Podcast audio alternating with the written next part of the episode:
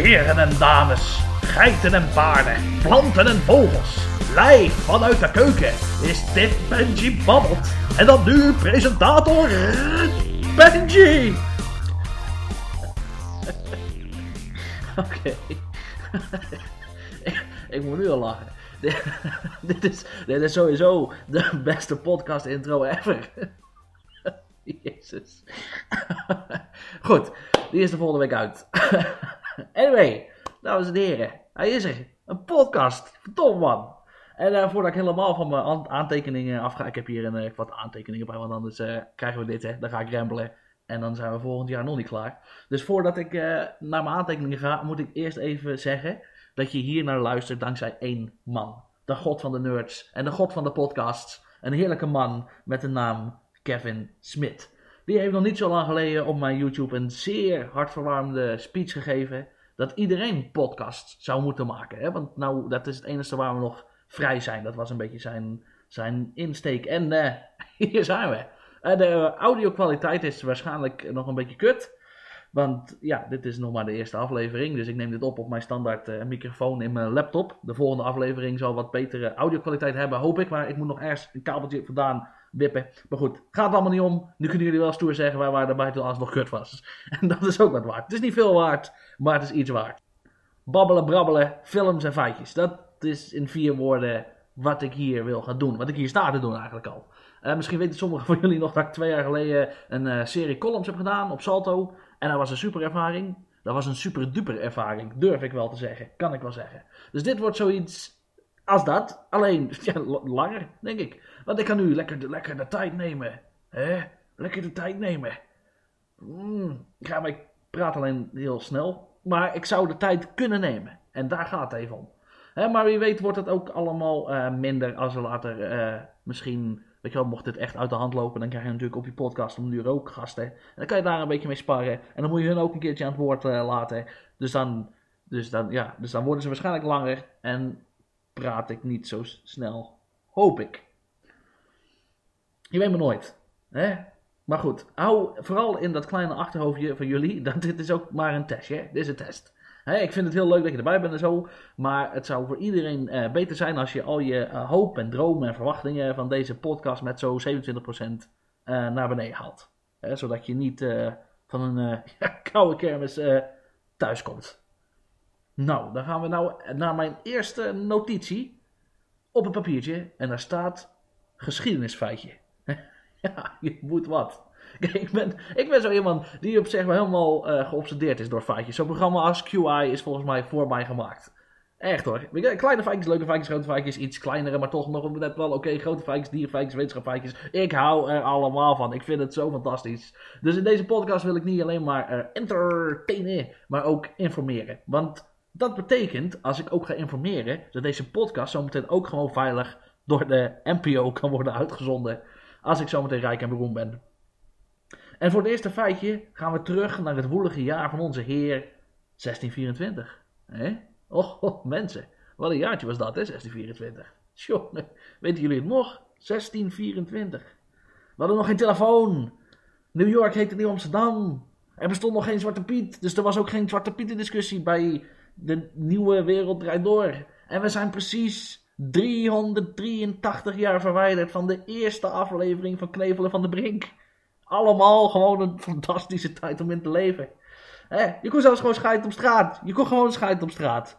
Oké, eh, denk denk er even aan. Je kon gewoon scheiden op straat. Mensen, niet mensen verwachten het. Verwachten het. Als je binnen ging scheiden, was je een idioot. Dat smeren. Je gaat niet in je eigen huis lopen. het lekker op straat.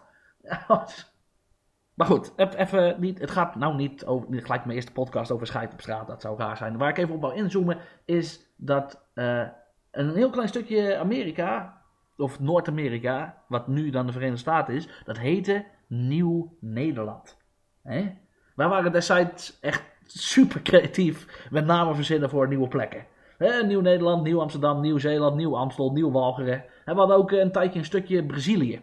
Drie keer raden hoe de meest geniale, creatieve spindokters van die tijd dat stukje Brazilië noemden. Precies. Nederlands-Brazilië. Dat was een, was een out-of-the-box brainstorm. En ze kwamen met iets totaals nieuws. Ze noemen het niet nieuw, maar het was gewoon Nederland-Brazilië. Het gaat er even om.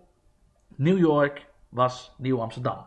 En destijds waren we niet alleen heel creatief met het namen geven aan steden, ook het namen geven aan kinderen was een zeer intens creatief proces voor ons Nederlanders. Waardoor er na een tijdje voornamelijk Janne en Kees woonden in Nieuw Amsterdam. Tot grote ridicule van de Engelsen en de Fransen. Als mensen vroegen, hé, wie uh, woonde daar? Uh, zoals dat ging, dan zeiden ze stevast, ja, daar wonen Jan en Kees.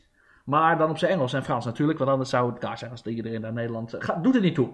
En dat Jan en Kees werd langzaam verbasterd naar Yankees. En daarom noemen we vandaag de dag nog New Yorkers en Amerikanen Yankees. Bam! App, eerste fike in de pocket. Als je nou niet kan scoren met oude nieuw, dan, weet, dan weet ik het ook niet meer. Ik geef, ik help. Ja, oud en nieuw. Het, uh, het jaar is ook op. Bijna dan. Op de pop. Uh, dus het is bijna 2016. En dan uh, krijg je vooral lijstjes. Maar ik kijk vooruit, hè. Je, moet nooit terugkijken. Niet vaak in ieder geval. Ik kijk vooruit. En daarom geef ik hier 34 redenen waarom 2016 een mega goed jaar wordt. Start de muziek! Kung Fu Panda 3, Hell Caesar, Deadpool, Zoolander 2, Where to Invade Next, Crouching Tiger, Hidden Dragon, Sword of Destiny, Pee-wee's Big Holiday, Zootopia, Batman v Superman, Donald Justice, The Jungle Book, Ratchet and Clank, Captain America Civil War, X-Men Apocalypse, Alice Through the Looking Glass, Teenage Mutant Ninja Turtles Out of the Shadow, Warcraft, Now You See Me 2, Finding Dory, Independence Day, Resurgence, The Big Friendly Giant, The Secret Life of Pets, Ghostbusters, Star Trek Beyond, Ice Age Collision Course, Born 5, Suicide Squad, Gambit, Doctor Strange, Fantastic Beasts and to Find Them, Rogue One, A Star Wars Story, Assassin's Creed en Jumanji. Echt hoor mensen, hou op hoor.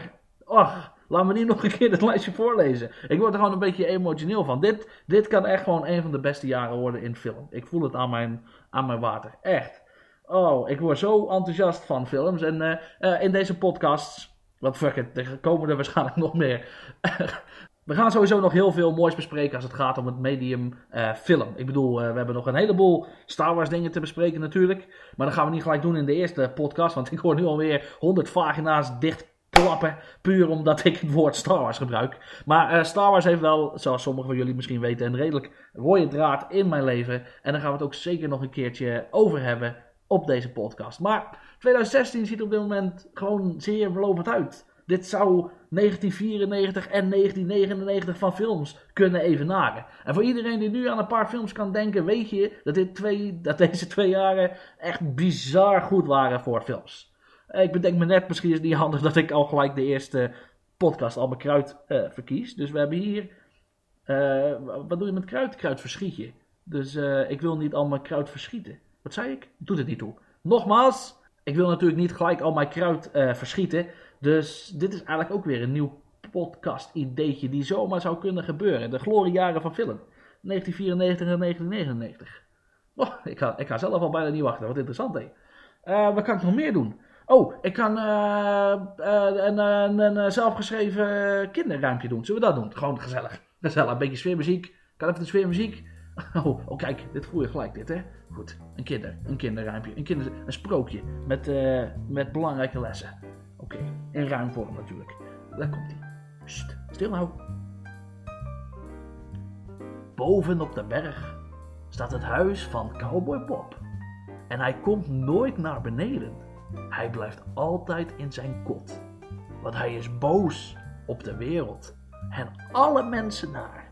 Hij vindt alle mensen beneden, maar achterlijk stom en raar. Iedere morgen klinkt het vanaf zijn bergtop Jullie zijn allemaal klootzakken en de wereld is verrot. Nog niet zo lang geleden, op de bakkersvloer, schreeuwde cowboy Bob plots... Bakker, je moeder is een hoer. Hij haalde uit naar de bakker en gaf zijn vrouw een schop... en stak naar voorbijgaande kinderen zijn middelvinger op. Iedereen was erg geschrokken en iedereen vond het erg. Bob zei alleen resoluut als je me zoekt, zit ik boven op de berg. Vroeg in de ochtend schrok de bakker wakker. Ik weet wat er met Bob aan de hand is, Agossie de arme stakker. Hij begon met bakken totdat de zon op was. En met de vers gebakken stroopwafels rende hij over de bergpas. De bakker zag Bob zitten. De oude mopper komt. En vliegend vlug stopte hij. Een stroopwafel in Bob zijn mond. Bob moest eerst hoesten en slikte daarna door. En meteen kreeg hij een grote glimlach van oor tot oor. De bakker kwam naar voren en gaf hem een kom beslag. Bob keek alleen even beteuterd en zei: Excuses voor mijn gedrag. De bakker moest lachen en zei: Ik leer je dit recept. Want Bob, jongen, je bent nou eenmaal jezelf niet als je honger hebt. Ja. ik weet zeker dat je dit niet had verwacht toen je de podcast had aangezet. Nee, ik zelf ook niet. ik. Doet er niet toe. Ja, ik denk dat we er wel zijn, dan toch? Of hadden, moest, hadden, we nog wat? Nee, toch? Nee, dit is, het is wel goed zo, hè? Het is maar voor, de, voor een eerste keer, hè? Vind ik het nog lang duren. dus uh, laat ik afsluiten met een uh, leerzame quote voor alle luisterkindjes. Dat ze ook nog iets opsteken van deze podcast. Prrr, onthoud, mensen, onthoud. Als lengte echt had uitgemaakt, dan hadden ze die clitoris ook wel achterin gestopt.